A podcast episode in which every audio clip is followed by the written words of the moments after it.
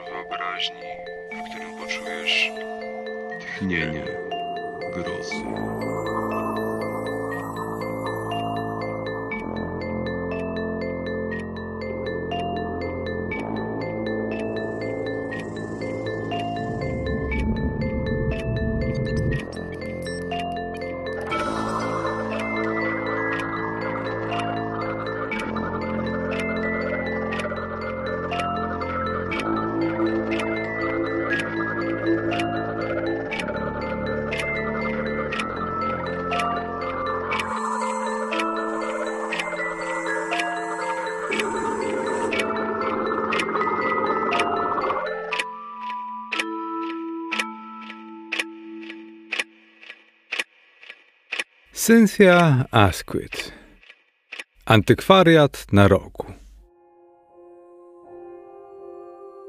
Wykonawcy testamentu Petera Wooda stwierdzili, że ich zadanie jest bardzo łatwe. Pozostawił swoje sprawy w absolutnym porządku. Zaskoczenie wywołała tylko znaleziona w biurku, gdzie panował ład, zapieczętowana koperta, na której widniał napis – Pragnąc, aby nie niepokoiły mnie w dobrej wierze towarzystwa metapsychiczne, nie pokazałem nikomu tekstu zawartego w tej kopercie.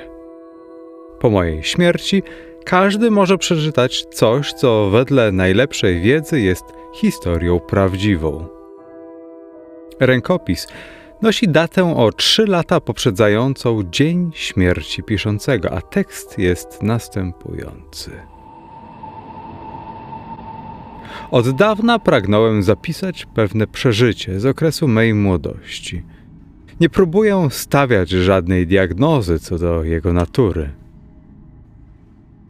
Nie wyciągam wniosków, notuję tylko wydarzenia, przynajmniej tak, jak się przedstawiają w mej świadomości. W niedługi czas po tym, gdy zostałem członkiem palestry, Wracałem raz wieczorem nieco przygnębiony do mieszkania, myśląc, jakby to było dobrze móc pozwolić sobie na bilet do teatru, kiedy zwróciła moją uwagę jasno oświetlona witryna jakiegoś sklepu. Mając wrodzone, niewykształcone umiłowanie wszelkiego bric-a-brac i pamiętając o nieuniknionym prezencie ślubnym, który należało ofiarować przyjacielowi, ująłem gałkę drzwi wejściowych. Gdy otworzyły się z radosnym rzęknięciem dzwonków, wszedłem do wielkiego, długiego pomieszczenia, gęsto i chaotycznie zatłoczonego wszystkim, co tradycyjnie znajduje się w antykwariatach fragmenty zbroi, cynowe kufle, pociemniałe, zniekształcające obrazy zwierciadła, części strojów liturgicznych, obrazy przedstawiające kwiaty, mosiężne kociołki, kandelabry, krzesła, stoły, komody. Wszystko tu było.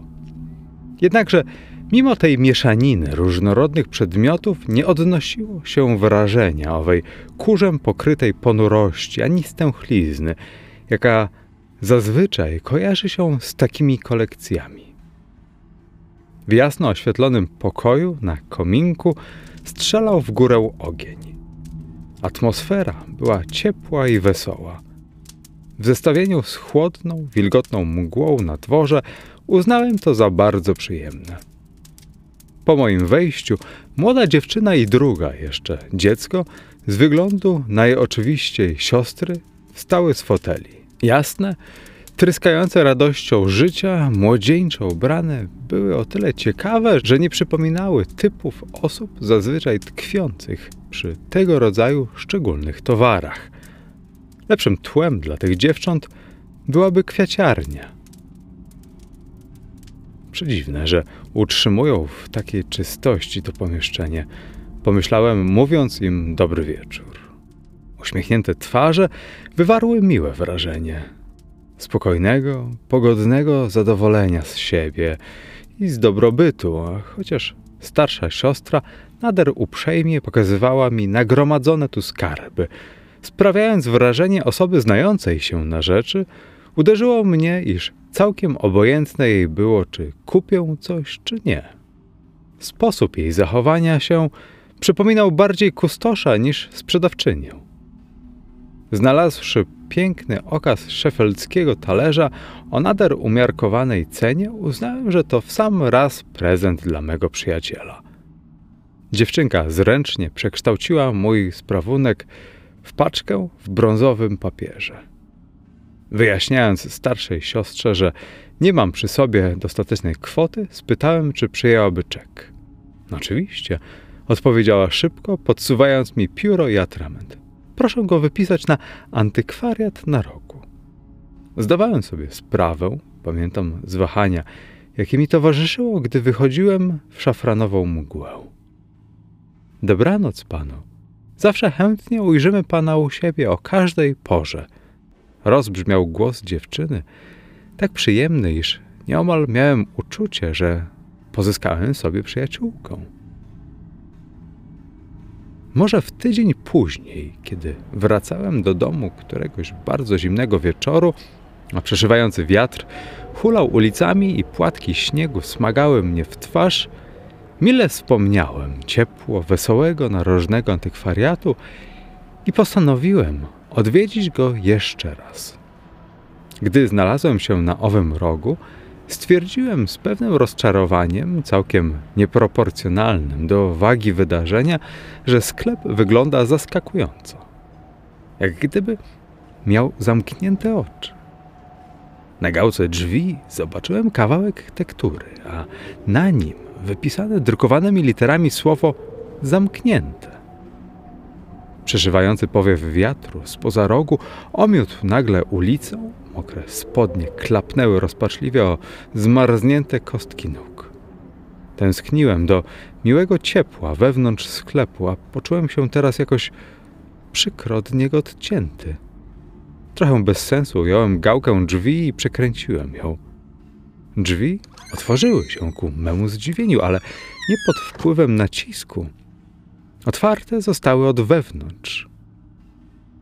Patrzyłem na słabo oświetloną twarz bardzo starego i wątło wyglądającego niewysokiego mężczyzny. Proszę wejść. Odezwał się łagodnym, nieco drżącym głosem i cichym krokiem cofnął się przede mną. Trudno opisać zmieniony wygląd tego pomieszczenia. Elektrycznego światła nie było chyba wskutek krótkiego spięcia, a ciemność wielkiego pokoju rozrzedzały tylko dwie kapiące świece. Plątanina mebli, poprzednio jasno oświetlonych, w słabym, pełgającym świetle majaczyła teraz tajemniczo, jakby wznosząc się wysoko. Rzucała niesamowite, niemalże groźne cienie. Słabo żarzący się węgielek pod kominkiem świadczył, że był tu przedtem ogień, ale tak ponurego chłodu nigdy nie doświadczyłem. Śmiesznie niedostateczne byłoby tu określenie przenikliwe zimno. Kąsający ziąb na ulicy wydawał mi się przyjemniejszy. Tak jak przedtem, było w sklepie wesoło, tak teraz strasznie ponuro. Miałem wielką ochotę wyjść natychmiast, ale mrok rozjaśnił się trochę. Zobaczyłem, że stary człowiek krząta się żywo, zapalając tu i ówdzie inne świece. Czy jest coś, co mógłbym panu pokazać? spytał drżącym głosem, zbliżając się ze świecznikiem w ręce. Widziałem go teraz stosunkowo dokładnie. Wygląd tego człowieka wywarł na mnie nieopisane wrażenie. Przez głowę przemknął mi Rembrandt. Kto inny mógłby tak wypuklić dziwne cienie na twarzy zatartej przez czas? Zmęczony. To słowo, którym posługujemy się bez zastanowienia. Nigdy dotychczas nie wiedziałem, co może ono oznaczać, dopóki nie ujrzałem takiego wyrazu wyczerpania na czyjejś twarzy. Była zwiędła. Oczy wydawały się równie wygasłe jak ogień na kominku, ale był w nich słaby poblask, jak gdyby oczekiwanie na coś. I ta kruchość słabiutkiej postaci, pył i popiół, przewinęło mi się przez głowę. Podczas pierwszej wizyty byłem pod wrażeniem niepomiernej czystości tego miejsca.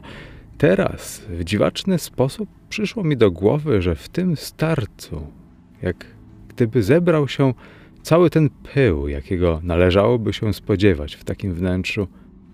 Zdawało się, że można staruszka rozproszyć jednym dotknięciem lub dmuchnięciem. Co za dziwna kreatura, zatrudniana przez te zdrowe, dobrze wyglądające dziewczęta. Jakiś dawny zabytek, pomyślałem, zostając tu raczej z litości. Czy jest coś, co mógłbym panu pokazać? Powtórzył stary. Głos nie miał więcej krzepy niż szelest dartej pajęczyny. Brzmiało w nim jednak dziwne, prawie błagalne naleganie. Oczy starego wpatrzone były we mnie spojrzeniem słabym, lecz jakby pożerającym. Chciałem odejść. Zdecydowanie chciałem.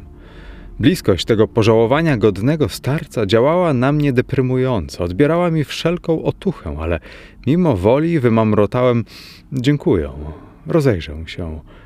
I stwierdziłem, że idę za słabowitą postacią, przyglądam się z roztargnieniem różnym przedmiotom, na moment oświetlanym przez drżące płomyki cienkich świeczek. Zimną ciszą mąciło tylko prawie niesłyszalne szuranie miękkich, pokojowych pantofli starca. Działało mi to na nerwy. Bardzo zimna noc, prawda?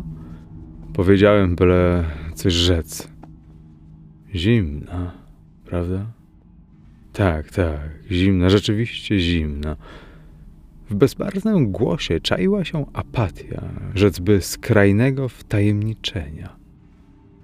Pan długo tu pracuje? Zapytałem tempo wpatrzony w stare łóżko z czterema kolumienkami. Długo. Bardzo długo. Odpowiedź dobiegła cicho, jak westchnienie.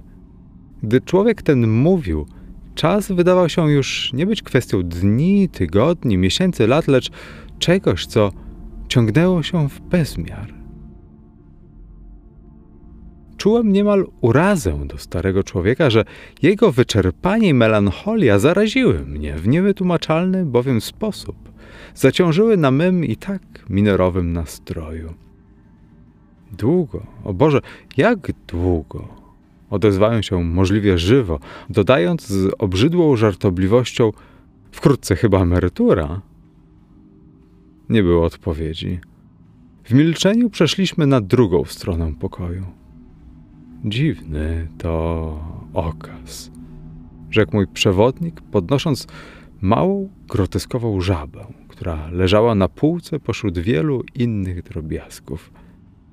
Wydawała się być zrobiona z jakiejś substancji podobnej do nefrytu. Wygląd tego bibelotu był dość niemiły.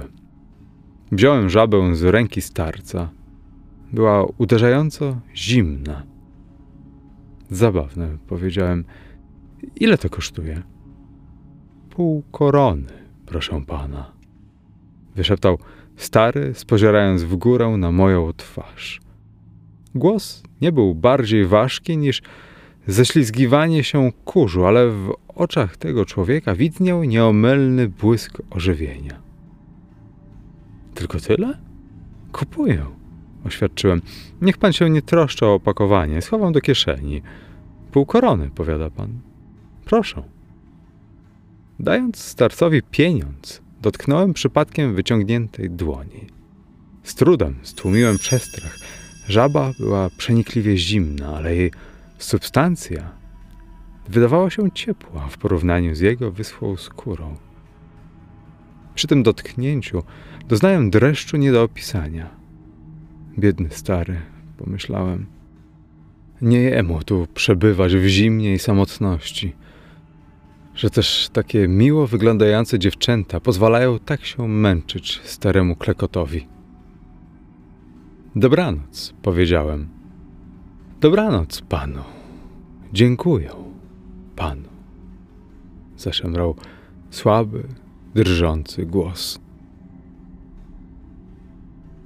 Starzec zamknął za mną drzwi. Odwróciwszy głowę, gdy parłem naprzeciw walącego śniegu, dostrzegłem jeszcze zaznaczony światłem świecący zarys postaci, mało co konkretniejszy niż cień. Twarz starego tkwiła za szybą. Wyobraziłem sobie, że zmęczone, cierpliwe oczy spozierają jeszcze na znikającego klienta. Nie mogłem jakoś wyzbyć się myśli o tym starcu. W długi czas potem, gdy się już położyłem do łóżka i przywołałem senność, majaczył mi jeszcze ten labirynt zmarszczek na zniszczonej twarzy i wielkie, wtajemniczone oczy, jak pozbawione życia planety, uporczywie wpatrzone we mnie z jakimś zapytaniem. Tak. Niewytłumaczalnie zaniepokoiła mnie ta jego osobowość, a gdy wreszcie ogarnął mnie sen, rojenia pełne były dziwnego znajomego. Prześladowała mnie we śnie świadomość jego nieskończonego znużenia. Próbowałem zmusić go do spoczynku, ale gdy tylko udawało mi się położyć jego kruchy kształt na łożu z kolumienkami, które widziałem w sklepie, we śnie był to bardziej grób niż łóżko, a brokatowa kapa zamieniła się w darnie. Już wyślizgiwał się z mego uścisku, uporczywie krążył znowu po sklepie. Ja zaś goniłem wśród niekończących się alejek niesamowitych mebli. Starzec ciągle mi się wymykał. Mroczny sklep wydłużał się, by wreszcie zlać się z nieskończonością bezsłonecznej, bezpowietrznej przestrzeni, aż wreszcie ja sam zatonąłem bez tchu, wyczerpany w grobie z czterema kolumienkami. Następnego poranka wezwano mnie pilnie do chorej matki i niepokój o nią przez cały następny tydzień wyparł z moich myśli epizod związany z antykwariatem na rogu. Skoro tylko mi powiedziano, że matce niebezpieczeństwo już nie zagraża, wróciłem do swego niewesołego mieszkania. Od niechcenia zająłem się podliczaniem drobnych rachunków gospodarskich. Zastanawiałem się, skąd tu wytrzasnąć pieniądze na zapłacenie komornego za następny kwartał. Przyjemnie zaskoczyła mnie wizyta pewnego dawnego kolegi szkolnego w owym czasie, mego jedynego przyjaciela w całym Londynie. Pracował w jednej z najbardziej znanych firm zajmujących się aukcyjną sprzedażą dzieł sztuki. Po paru minutach rozmowy kolega wstał w poszukiwaniu ognia do fajki. W tym momencie odwrócony byłem do niego plecami. Posłyszałem ostre draśnięcie zapałką, a potem pojednawcze odgłosy jego fajki. Próbne pykanie przerwał nagle okrzyk. Wielki Boże, człowieku, skąd ty to masz? Obróciwszy się, zobaczyłem, iż kolega złapał mój nabytek z wieczoru przed tygodniem. Śmieszną, małą żabę, o której obecności na gzymsie kominka całkiem zapomniałem. Trzymał ją pod światłem gazowej lampy, oglądał ją przez małą lupę, a ręce dygotały mu z podniecenia. Gdzieś to dostał, powtórzył. Masz pojęcia, co to jest? Pokrótce opowiedziałem mu, że byłem w sklepie i kupiłem tę żabę za pół korony, żeby nie wychodzić z pustymi rękami. Za pół korony? Zawtórował jak echo.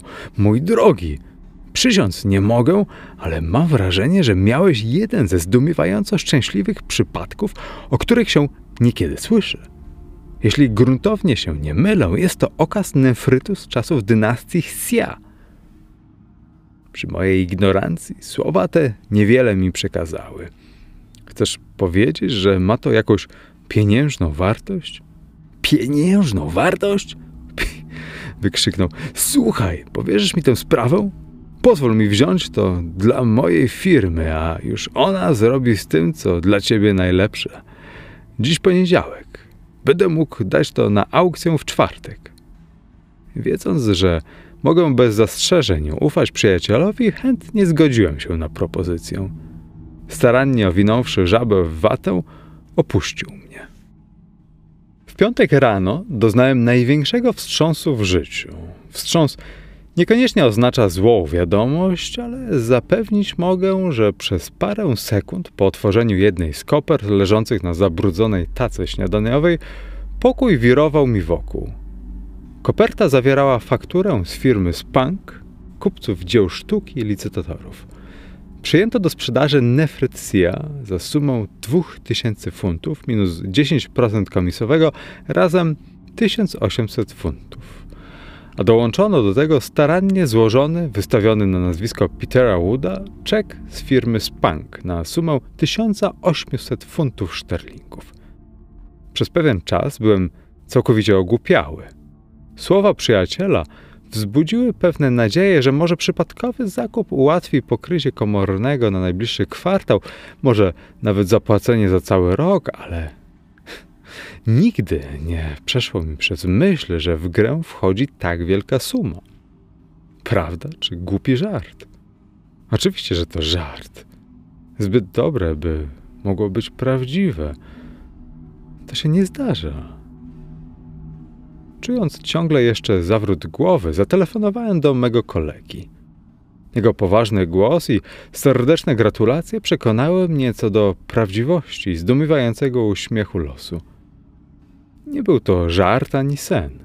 Ja, Peter Wood, którego konto bankowe było już aktualnie przekroczone o 20 funtów, nie posiadałem żadnych walorów poza akcjami na łączną sumę 150 funtów, a teraz przez czysty przypadek miałem w ręce kawałek papieru wymienialny na 1800 złotych suwerenów. Zasiadłem, aby pomyśleć, usiłowałem dostosować się do wszystkiego. Z gmatwaniny planów i emocji kryształowo jasny wynurzał się jeden fakt. Nie można oczywiście wykorzystać ignorancji dziewczyny czy braku kompetencji biednego, starego dozorcy antykwariatu.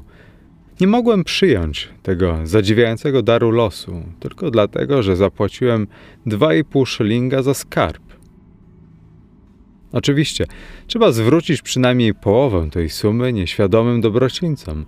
Inaczej czułbym się, jakbym obrabował ich niby włamywacz. Wspomniałem miłe, otwarte twarze dziewcząt. Jakże przyjemnie będzie zaskoczyć je wspaniałą wiadomością. Poczułem gwałtowną chęć popędzenia do sklepu, ale mając raz wreszcie jakąś sprawę w sądzie, zmuszony byłem pójść do mej korporacji prawników. Indosując czek firmy Spank, zaadresowałem go do mojego banku i przejrzawszy pozostałe odcinki własnej książeczki czekowej, wypisałem czek na sumę 900 funtów na antykwariat na roku. Schowałem go do kieszeni, postanowiwszy wpaść do sklepu, gdy będę wracał do domu. Późno już było, gdy mogłem opuścić sąd. Przyszedłszy jednak do sklepu, poczułem pewne rozczarowanie. Stwierdziłem bowiem, że jest znowu zamknięty z wywieszką na gałce klamki. Zakładając nawet, że stary dozorca jest na posterunku, zobaczenie go nie miało specjalnego sensu. Miałem interes do jego chlebodawczyni. Tak więc Postanowiłem przyjść następnego dnia i już odchodziłem, gdy drzwi otworzyły się i na progu stanął starzec. Jak gdyby mnie oczekiwał, wpatrując się w Mogę panu czymś służyć? Głos miał jeszcze bardziej dziwaczny niż przedtem. Bałem się ponownej rozmowy, lecz czułem nieodparty przymus. Wszedłem. Atmosfera w sklepie była równie ponura i zimna jak podczas ostatniej wizyty. Poczułem, że naprawdę drżę. Kilka świec, najwidoczniej co tylko zapalonych, migotało, a w ich świetle szara twarz starego wpatrywała się we mnie pytająco, nieustannie. Co za twarz! Iście niesamowita. Nigdy czegoś takiego nie widziałem. Nic dziwnego, że mi się przyśnił bodajby nie otwierał tych drzwi. Co można pokazać panu dziś wieczorem? Zadał pytanie dość niepewnym głosem. Nie, dziękuję. Przyszedłem w związku z tym, co mi pan sprzedał przed kilku dniami. Stwierdziłem, że ten bibelot ma wielką wartość. Proszę powiedzieć swej chlebodawczyni, że zapłacę należytą cenę jutro. Gdy mówiłem to, na twarzy starca zajaśniał przedziwny uśmiech. Używam wyrazu uśmiech z braku odpowiedniejszego, bo jak tu przekazać piękno nie do opisania, które przemieniło tę zniszczoną przez czas twarz? Łagodny triumf, subtelny zachwyt. Jakby coś zamarzniętego topniało w promieniach słońca. Nie byłem nigdy przedtem świadkiem tajania żalu pełnego drętwoty, ani też świadkiem tak promiennego świtu, spełnienia czegoś. Pierwszy raz pojąłem w jakiejś mierze istotę słowa błogostan. Wrażenie, jakie wywarła na mnie ta przeistoczona twarz, było nieopisane. Coś się przelewało po niej. Czas stanął, a ja stałem się świadomy nieskończoności. I wtedy ciszę zmącił nabrzmiewający ruch mechanizmu starego zegara. Ten wspaniały okaz średniowiecznego norymberskiego rękodzielnictwa miał właśnie przemówić. Odwróciłem więc ku niemu głowę. Z wygłębienia pod delikatnie malowaną tarczą wynurzyły się dwie figurki. Jedna uderzała w dzwonek, druga zgrabnie stąpała tanecznym krokiem. Miłe widowisko przykuło moją uwagę i nie odwróciłem głowy, aż ostatnie dźwięki zegara znikającym trylem przeszły w ciszę. Stwierdziłem, że jestem sam. Starzec zniknął. Zaskoczony, że mnie tak opuścił, rozejrzałem się po wielkim pokoju. Rzecz dziwna, ale ogień na kominku, który jak przypuszczałem zamarł, rozbłysnął nagle nieoczekiwanym życiem. Rzucał teraz wesoły blask. Jednakże ani w świetle ognia, ani w blasku świec nie było śladu starego dozorcy. Po prostu zniknął. Hej? Zawołałem pytająco. Cisza.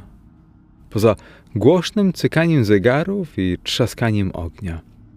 Obszedłem cały sklep, zajrzałem nawet do łóżka z czterema kolumnami, które mi się przyśniło, a potem zauważyłem wejście do mniejszego pokoju obok antykwariatu. Wziąłem szybko świecę, zajrzałem do wnętrza drugiego pomieszczenia. Na przeciwległym końcu widać było schody. Wyraźnie wiodące na coś w rodzaju galeryjki, otaczającej u góry pokój. Stary schował się do jakiegoś legowiska. Pójdę za nim. Zacząłem stopą wymacywać schodki, ale stopnie skrzypiały pod nogami. Miałem uczucie, że drewno załamuje się. Świeca zgasła. O twarz otarły mi się pajęczyny. Nie było to zachęcające. Dałem więc spokój w chodzeniu. Ostatecznie, jakież ma to znaczenie? Niechaj stary się chowa. Co miałem do powiedzenia? Przekazałem. Najlepiej pójść sobie. Tylko, że główny pokój sklepowy, do którego wróciłem, był całkiem ciepły i wesoły. Jak mogłem kiedykolwiek sądzić, że jest dziwny, złowrogi, niesamowity? Z wyraźnym poczuciem żalu opuściłem sklep. Czułem się zniechęcony, rozczarowany. Z przyjemnością dalej patrzyłem na promienny uśmiech kochanego, dziwnego starca. Jak mogło się wydawać, że się go boję? Wolny czas, by pójść prosto do antykwariatu rano, miałem w najbliższą sobotę. Przewidywałem serdeczne powitanie wdzięcznych sióstr, czekały na mnie z pewnością. Kiedy brzęk dzwonka zaanonsował, że otwieram drzwi, obie dziewczyny z zapałem odkurzające swe skarby odwróciły głowę, by sprawdzić, kto wchodzi tak niezwykle wcześnie. Poznawszy mnie, skłoniły się miło, ale ku memu zdziwieniu całkiem obojętnie. A przecież z racji zdarzenia z żabką niczym w bajce o dobrej wróżce, spodziewałem się całkiem odmiennego powitania. Odgadłem, że nie dotarła jeszcze do nich zdumiewająca nowina, a gdy powiedziałem, przyniosłem czek. Domniemanie okazało się słuszne. Twarze dziewcząt wyrażały absolutny brak zrozumienia. Czek? powtórzyła echem starsza siostra. Jaki czek? Za żabę, którą kupiłem któregoś dnia. Żabę? Jaką żabę? Pamiętam tylko, że pan kupował szefelski talerz. Zrozumiałem, że nawet nie wiedzą o mojej drugiej wizycie w antykwariacie. Opowiedziałem im po kolei całą historię. Oszołomione były ze zdziwienia, szczególnie starsza siostra. Ależ ja tego nie rozumiem, doprawdy, powtarzała. Holmes nie może przecież nikogo wpuszczać w naszej nieobecności, a cóż dopiero sprzedawać towar. Przychodzi tutaj jako nocny dozorca w te dni, gdy wychodzimy wcześniej, a przybywa tylko do czasu, gdy zjawia się na obchód policjant na nocnym patrolu. Nie mogę uwierzyć, żeby Holmes wpuścił pana i nawet nie powiedział nam, że coś panu sprzedał. Niezwykłe. O której godzinie to było? Chyba koło siódmej, odparłem. Zazwyczaj odchodzi o wpół do siódmej, rzekła dziewczyna. Widocznie policjant spóźnił się tego wieczoru. Gdy przyszedłem wczoraj, było jeszcze później. Pan wczoraj znowu tu był? Zdziwiła się. Opowiedziałem w skrócie o wczorajszej wizycie i o wiadomości, jaką zostawiłem dozorcy. Niewiarygodne, wykrzyknęła. W głowie mi się to nie mieści, ale Holmes wkrótce wyjaśni. Spodziewam się go lada chwila. Przychodzi co rano zamiatać podłogi. Mając w perspektywie ponowne spotkanie dziwnego starca, poczułem wyraźny dreszcz podniecenia. Jak będzie wyglądał w pełnym świetle dziennym? Czy będzie się uśmiechał? Bardzo stary ten dozorca, prawda? Spróbowałem. Stary? tak, mam wrażenie, że się już starzeje, ale praca tutaj bardzo łatwa. To dobry człowiek, uczciwy. Nie mogę zrozumieć, jak mógł cichaczem robić coś podobnego. Obawiam się, że ostatnio zaniedbałyśmy katalogowanie. Czyżby Holmes sprzedawał jakieś rzeczy na własną rękę? Nie mogę znieść tej myśli. Ale, ale, czy pan nie pamięta skąd wzięta była ta żaba? Wskazałem na półkę, z której dozorca zdjął sztukę nefrytu. Ach, z tej zbieraniny. To coś, co nabyłyśmy hurtem prawie za darmo któregoś dnia. Towar jeszcze nie jest posortowany i wyceniony. Nie pamiętam, żebym widziała taką żabę. Doprawdy niewiarygodne. W tym momencie zadzwonił telefon. Podniosła słuchawkę do ucha i odezwała się. Halo? Tak, tutaj panna Wilton. Tak, pani Holmes. O co chodzi? Parę sekund ciszy, a potem głos dziewczyny ciągnął tonem podniecenia. Nie żyje? Umarł? Jak? Dlaczego? O, jakże mi przykro. Po paru dalszych słowach odłożyła słuchawkę i odwróciła się do siostry i do mnie z oczami pełnymi łez. Proszę sobie wyobrazić, rzekła. Biedny stary Holmes nie żyje. Gdy wrócił wczoraj wieczorem do domu, poczuł nagle bóle i zmarł w środku nocy. Atak serca. Nikt nie przypuszczał, że stanie się coś złego. Biedna pani Holmes, co ona teraz zrobi? Musimy pójść i zobaczyć się z nią natychmiast. Obie dziewczyny były bardzo zdenerwowane, więc pomyślałem, że najlepiej się wynieść. Powiedziałem, że wkrótce powrócą.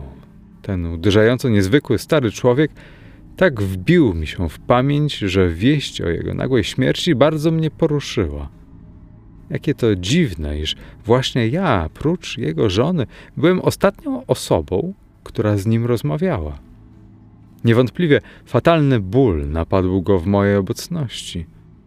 Dlatego starzec opuścił mnie nagle bez słowa. Czy śmierć była już na skraju jego świadomości? Ten niezatarty, promienny uśmiech? Czy był to początek spokoju przerastającego wszelkie zrozumienie? Powróciłem do antykwariatu na rogu następnego dnia.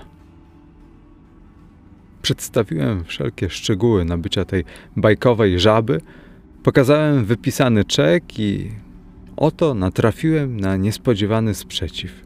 Siostry nie chciały przyjąć pieniędzy. Oświadczyły, że nie są im potrzebne, że to moje pieniądze. Widzi pan, wyjaśniła panna Wilton, mój ojciec miał, jak się to mówi, nosa do tych spraw. Coś graniczącego niemal z geniuszem i zrobił dość duży majątek. Kiedy był już zbyt stary, by dalej prowadzić antykwariat, my prowadziłyśmy sklep z sentymentu i po to, żeby mieć zajęcie, ale zysków nie potrzebujemy. Przemogłem w końcu, by przyjęły pieniądze, bodaj po to, żeby przeznaczyć je na dobroczynne cele. Poczułem ulgę, że sprawa została załatwiona w taki właśnie sposób. Dziwny zbieg okoliczności z nefrytowym bibelotem powiązał mnie z dziewczętami. W czasie przyjaznych sporów zżyliśmy się. Nabrałem zwyczaju częstego wpadania do antykwariatu. Dobrze czułem się w towarzystwie dwóch wesołych istot.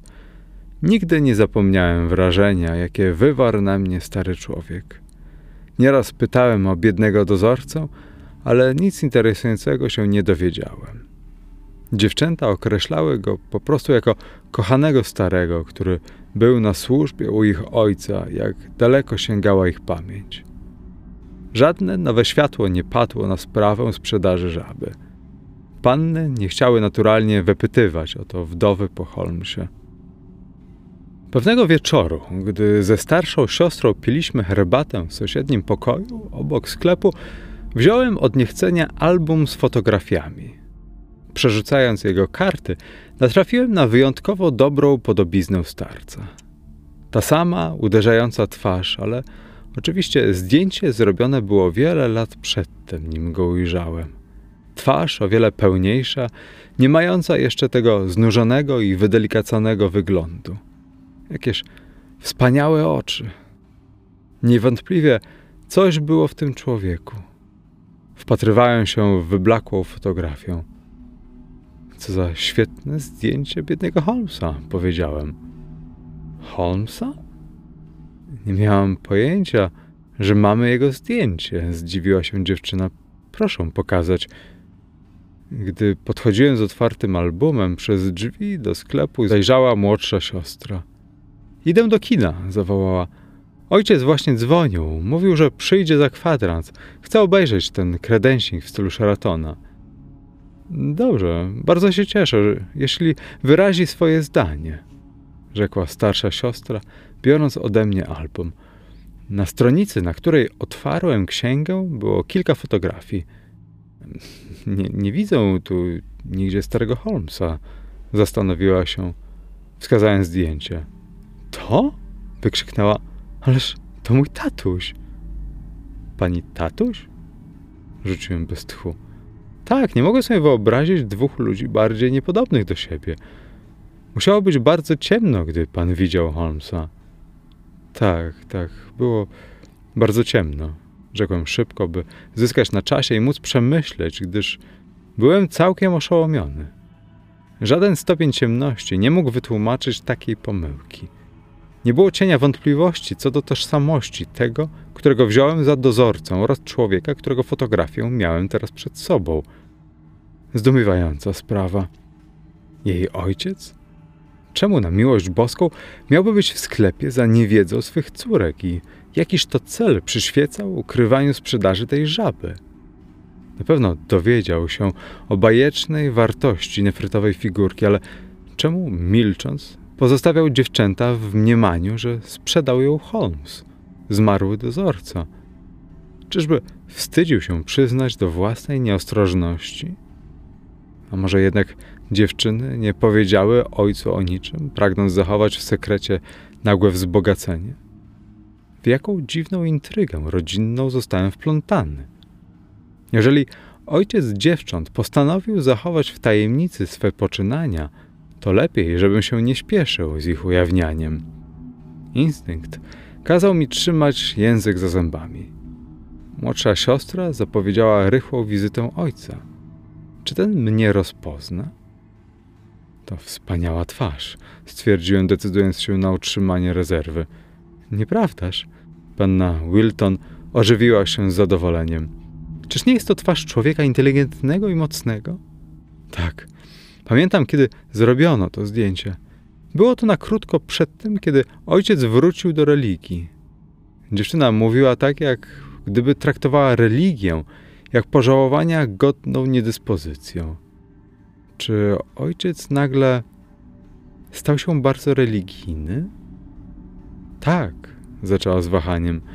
Biedny ojciec. Zaprzyjaźnił się z pewnym duchownym i zmienił się. Nigdy nie był już taki sam. Głos dziewczyny nieco się załamał i odgadłem, że umysł jej ojca został czymś dotknięty. A czyż to nie wyjaśnia całej sprawy? Czy przy dwóch okazjach, kiedy go widziałem, nie błąkał się po prostu w jakimś szczególnym stanie psychicznym? Czy to jego religijność unieszczęśliwiła go? Odważyłem się zapytać, bo niezmiernie mi chodziło o lepsze naświetlenie jego osobowości przed ponownym z nim spotkaniem. Tak, okropnie. Oczy dziewczyny były pełne łez. Widzi pan, on był. Zawahała się, a rzuciwszy na mnie okiem, ciągnęła. Doprawdy nie ma powodu, żebym nie mogła powiedzieć.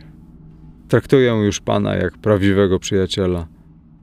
Biedny ojciec zaczął myśleć, że wszystko, co czynił poprzednio, było bardzo złe. Nie mógł odnaleźć spokoju sumienia. Pamięta pan, jak mówiłam o jego niezwykłym nosie do interesów? Otóż rzeczywiście fortuna jego wynikła z trzech cudownych posunięć spekulacyjnych. Miał takie samo szczęście jak pan tutaj owego dnia, dlatego o tym opowiadam. To taki dziwny zbieg okoliczności, urwała. Proszę, niech pani mówi dalej, rzekłem z naciskiem. Przy trzech niezależnych od siebie sposobnościach kupił za parę szylingów przedmioty olbrzymiej wartości, ale w przeciwieństwie do pana wiedział, do czego zmierza. Pieniądze, jakie uzyskał ze sprzedaży, nie były dla niego niespodzianką. Odmiennie niż pan, nie czuł wówczas, że jest zobowiązany wynagrodzić ignorantów, którzy pozbyli się majątku. Ostatecznie większość handlowców nie zrobiłaby tego, prawda? spytała niemal gniewnie. Tak więc ojciec, mówiła, coraz bardziej się bogacił. Minęły lata, poznał owego duchownego, a potem nękał się coraz bardziej. Uważał, że nasz majątek opiera się na czymś w gruncie rzeczy nie lepszym od kradzieży. Ojciec gorzko sobie wyrzucał, że wykorzystał nieświadomość tamtych trzech osób, że pozwolił, by zmarnowały fortunę. Udało mu się dowiedzieć, co ostatecznie stało się z tymi, których nazywał swymi ofiarami. Niestety, wszystkie trzy osoby zmarły w nędzy i opuszczeniu. Odkrycie tego faktu sprawiło, że ojciec zaczął dręczyć się w sposób nieuleczalny. Dwie osoby zmarły, nie pozostawiając dzieci. Żadnych krewnych nie można było odnaleźć. Ojciec dowiedział się, ciągnęła dziewczyna, że syn trzeciego klienta jest w Ameryce, ale okazało się, że już zmarł. Rodziny nie pozostawił i biedny ojciec nie mógł znaleźć możliwego zadośćuczynienia. Zżerało go coraz bardziej, aż w jego biednej głowie coś się pomieszało. Gdy stawał się coraz bardziej religijny, wbił sobie w głowę dziwne wyobrażenia. Powstała niejako obsesja – jak się nie ma okazji do naprawienia błędu własnym dobrym uczykiem, to trzeba dać tę okazję komuś innemu. Muszą stać się przyczyną spełnienia przez kogoś trzech dobrych uczynków w sytuacji odpowiadającej moim złym. Inaczej nie odpokutuję. Na próżno spierałam się z nim, mówiąc, że zrobił coś, co uczyniliby niemal wszyscy, ale powtarzał ponuro: Wiem, że popełniłem coś złego Postanowił znaleźć trzy istoty ludzkie, które wynagrodziłyby własnym dobrym uczynkiem ból sprawiony Bogu przez to, co ojciec uważał za swoje trzy występki.